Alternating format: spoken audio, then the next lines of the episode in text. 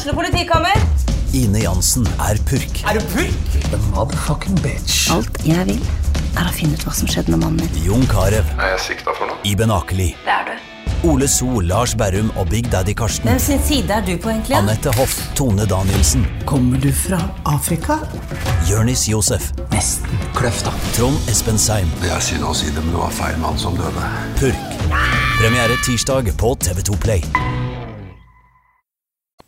Hei og velkommen til en ny episode av TB-podden. Jeg heter Knut Erik Lan, og i studio i dag har vi fått besøk av Tønsbergs Bladjournalist Vegard Vatn og tidligere etterforskningsleder i Kripos, Sigbjørn Fevang. Velkommen. Du Sigbjørn, du kommenterer Kilen-drapet i Tønsbergs Blad, og det er nettopp Kilen-drapet denne episoden skal handle om. For tirsdag i neste uke, da starter rettssaken etter Kilen-drapet, der fire menn er tiltalt for drap etter at Bård Lanes ble skutt i april 2021.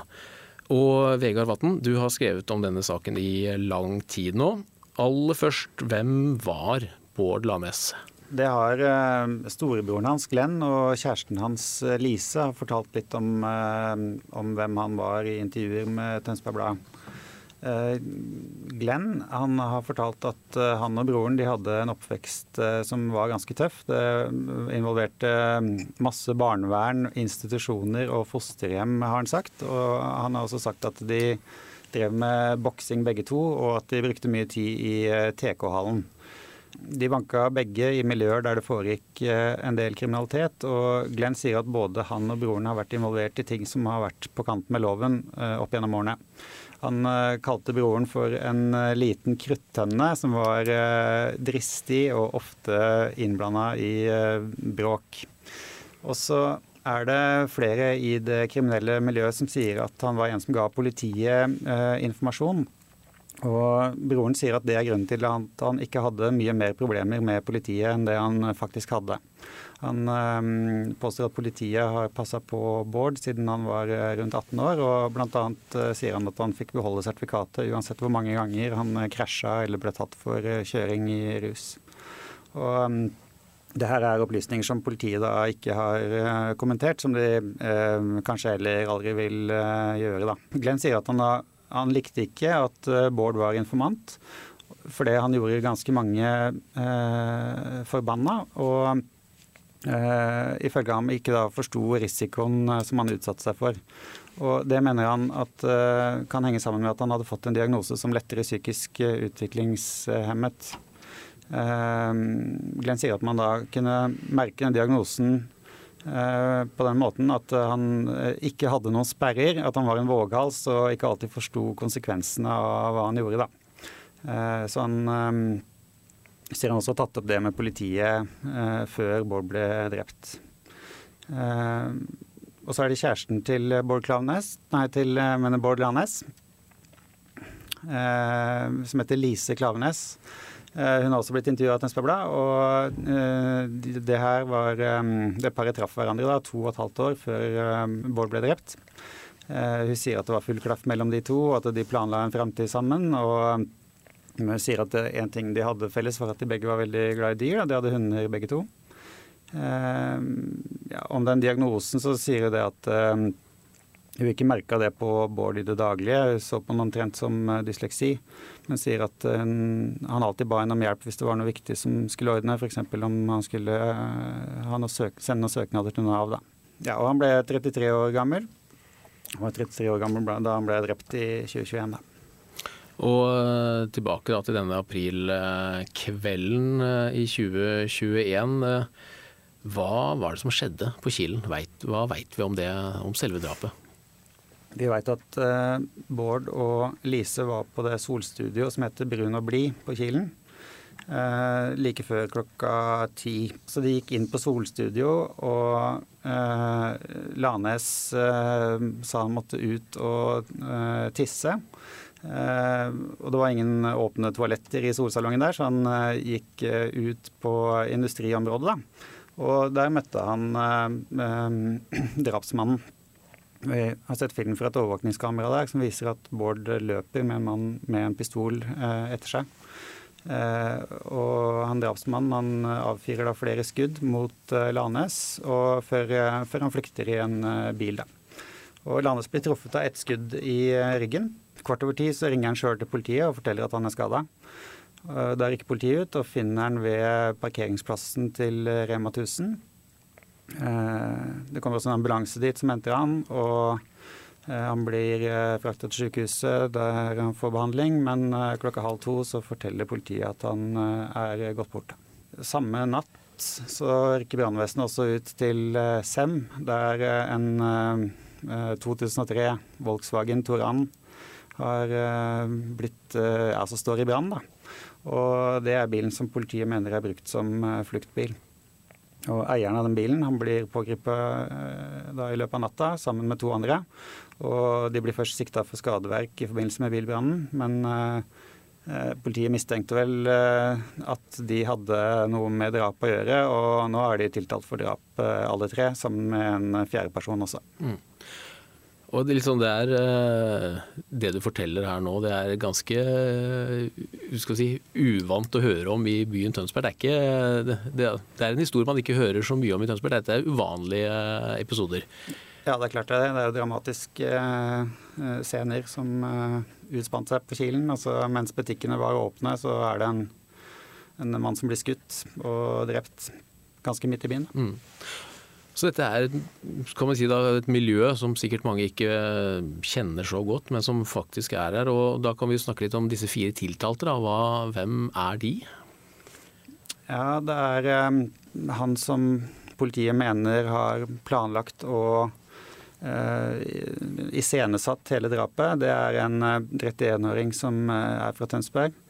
Han Uh, nekter jo straffskyld for uh, uh, å ha gjort dette, da, men han sier at han hadde en plan om å riste Lanes, og at de, at de har hatt en konflikt i mange år. Og um, han har også innrømt å ha bestilt en sporingsenhet som var festa på bilen til Bård Lanes, da, og var brukt til å ha kontroll på hvor han var hen. og så er det en 27-åring fra Vestlandet som politiet har utpekt som den som skøyt. Han er tidligere dømt for uh, likskjending i en annen sak eh, på, på, Vestlandet. Og eh, For han så har påtalemyndigheten varsla at de kan nedlegge en påstand om forvaringsstraff. Dvs. Si at det er en straff som ikke er tidsbegrensa. Han kan bli sittende i fengsel for å beskytte samfunnet så lenge det blir vurdert at han er farlig. Mm. Eh, og så er det en 33-åring fra Tønsberg. Det er mannen som politiet mener kjørte fluktbilen. Ehm, han ble da tatt på natta etter drapet, og noen dager seinere så ble han sikta for eh, eh, drap eller medvirkning til drap, og nå er han tiltalt for det. Eh, og i tillegg så er det en 23 år gammel brasilianer som er tiltalt. Han har bodd en del i Tønsberg og han øh, mener politiet har vært med på planleggingen av drapet. da. Og Sigbjørn, som tidligere etterforskningsleder i Kripos, nå pensjonist, så har du kommentert litt om denne saken for Tønsbergs Blad. Og de fire mistenkte som vi nå hørte om, de har sittet i varetekt i over to år nå. Hvordan eh, tolker du det? Eh, det er ikke noe ekstraordinært for så vidt eh, med det. Det er en veldig alvorlig straffesak som det tar lang tid å etterforske. Og det er fire tiltalt, så, så det blir jo nesten en drapssak ganger fire som mm. skal etterforskes. Det skal jo kartlegges hva hver enkelt av disse fire har gjort eller ikke gjort, og det tar tid.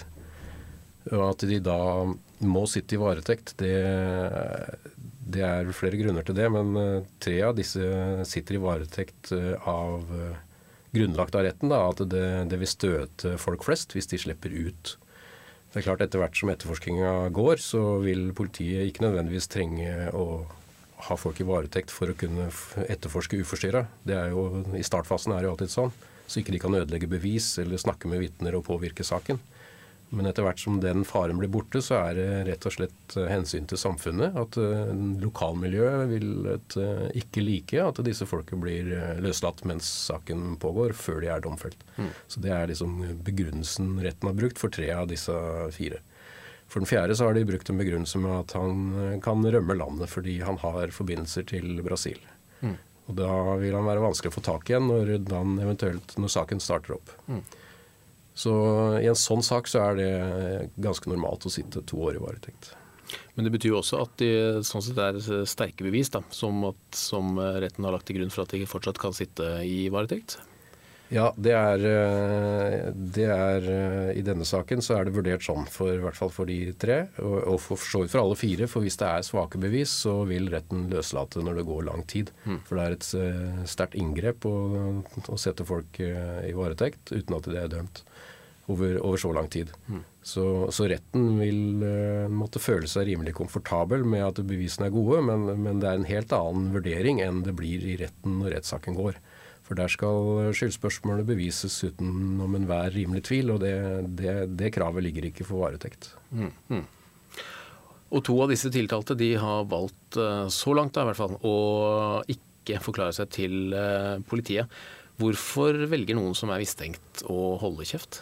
Det kan være mange årsaker til. Eh, og Det er vanskelig å si, det er umulig å si i denne saken hva som er årsaken, men, men vanlige årsaker er jo at eh, de ikke ønsker å forklare seg om, eh, om, ting som kan medføre straff for dem selv. Altså prate seg sjøl inn i straffbare forhold. Det er det jo ingen som har plikt til. Og det er ikke så lurt å gjøre det. Det kan være frykt for represalier. At de er redd for hva som vil skje med dem hvis de har forklart seg i en så alvorlig sak. Særlig hvis de forklarer seg om andres rolle. Å forklare seg om egen rolle er sjelden risikabelt. Så kan det være at de er usikre på hvilke bevis politiet har, og at de ønsker å vente med å forklare seg til, eh, til eh, det kommer så langt at, alle, at hele saken er etterforska og alle bevis blir presentert. At de ikke forklarer seg før retten begynner, er eh, ikke så vanlig. De fleste forklarer seg når saken er kommet langt ut i etterforskningssporet og bevisene er presentert for dem. Så her blir det interessant å se når retten starter, hva de velger å gjøre. Og Rettssaken den varer altså fram til 9.6. Hva kan vi forvente skjer da i disse månedene i, i rettssalen? Det blir jo mye fokus på, på, hvilke bevis politiet legger fram. Ehm, det er selvfølgelig viktig å klarlegge hver enkelt av de som er tiltalt. Hva de Eh, holdt på å si hva de har visst på forhånd, hva de har planlagt, om dette er en planlagt handling, eller om, er, om, om hensikten var noe helt annet enn å ta livet av han, at det var en sak som bare utvikla seg sånn. Det har eh, mye å si for, eh, for straffeutmåling.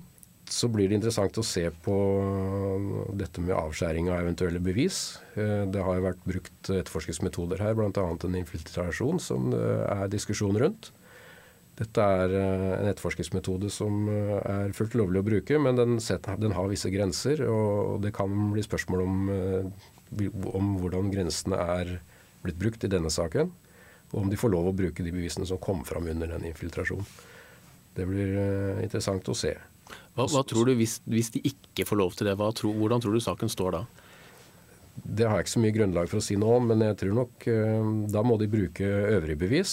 Og, og, saken står og faller helt sikkert ikke på det ene beviset der. Men det kan eh, i et tenkt tilfelle være tungen på vektskåla som, som, gjør at eh, for vedkommende faller dommen i ene eller andre retningen. Det er jo et våpen som er borte her. Det blir nok litt fokus på det. Hvor det er. Om noen velger å forklare seg om hvor det er. Uh, det kan ha betydning for straffeutmåling fortsatt. Og så er det hvilken rolle de fire har hatt i forkant, under og under handlingen. Hvem har gjort hva, og hva var hensikten med det de gjorde. Det kan være forskjell fra den ene til den andre når det, når det kommer til det. Mm. Nå har vi snakka mye om, om, sånn sett fra politiets side og bevis og den biten der, men har du gjort deg noen tanker om hva, hvilke kort holder eh, forsvarerne til disse fire? Hvilke kort holder de på hånda? det får vi se. Hvert enkelt bevis som blir lagt fram, blir jo gjennom, blir gjenstand for en grundig vurdering fra forsvarerne om disse bevisene har betydning for deres klienter. Og, og om det er svakheter med bevisene. Mm. Og det går, på, det går, på, historikken i forkant, bevegelser i forkant, hva det er gjort under, og hva, hva, som blir lagt fram, rett og slett. Og det har vi lite oversikt over foreløpig. Mm. Jeg har ikke sett uh, politiets beviser, så det, det, må man se. Men alle bevis Forsvarernes oppgave er jo å prøve å trekke i tvil, trekke tvil alle bevis som blir framlagt. Og det er, det er jo riktig, for at eh, skal jo se hvor, hvorvidt dette beviset er Håper å si om det, om det er uh, tellende for skyld eller ikke skyld, og hvilken, hvilken betydning det har i saken. Og Så blir det da til slutt det samlede bevisbildet som, uh, som avgjør. Og Vegard, jeg har lyst til å spørre en uh, siste spørsmål til deg. fordi Vi snakka om denne infiltrasjonsmetoden uh, som politiet har brukt. Uh, det er en litt sånn skal vi si, en ting man ikke hører om hver dag når det gjelder politietterforskning. Hva veit vi om måten de infiltrerte dette miljøet på? Ja, Det er jo en spektakulær historie, det òg. Det, mm, eh, det, ble brukt portugisisktalende eh, undercover-agenter som, eh, som da gjorde seg til venn med en av de tiltalte i denne saken. Det er da den 23 år gamle brasilianeren. De ble fløyet inn, var det ja, noe sånt? Ja, de gjorde det. Og mm, ja, vi har fått vite litt om hva som skjedde, men ikke veldig mye, da. Men de har da snakka med denne brasilianske tiltalte og fått han til å fortelle om eh, drapet og hva som skjedde da. Mm. Eh, så er forsvareren til brasilianeren, Øystein Storvik, han eh, mener at eh, det kan umulig være lov å hente inn bevis på denne måten. Eh, man har jo en, en rett til å ha forsvarer når man blir avhørt, og et vern mot selvinkriminering. Eh, og Storvik mener at disse prinsippene er um, brutt i, um, i den saken, og eh, ja, prøver å eh, få nekta disse bevisene lagt fram i retten. Men hvordan det går, det vet vi ikke ennå. Mm. Nei, og, og, Sigbjørn, det kan kanskje du svare på. for når, det, når får politiet lov til å bruke sånne metoder? Er det noe, er det noe, si, noe rettsvern som ligger til grunn for det? Nei, det er, ikke noe, det er ikke noe absolutt grense for det. Men det blir brukt kun i alvorlige straffesaker. For det er et omfattende etterforskningsskritt. Det krever mye ressurser. Og det, blir, det, er, det er ikke naturlig å bruke det i mindre lovbrudd. Da er jo det ett av de bevisene som blir eh, spennende å følge gangen til når rettssaken starter førstkommende tirsdag. Den kan dere følge på tb.no.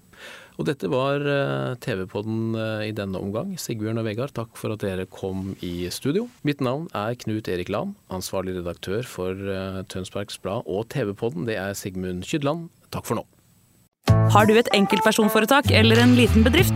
Da er du sikkert lei av å høre meg snakke om hvor enkelt det er med kvitteringer og bilag i fiken, så vi gir oss her, vi. Fordi vi liker enkelt. Fiken superenkelt regnskap.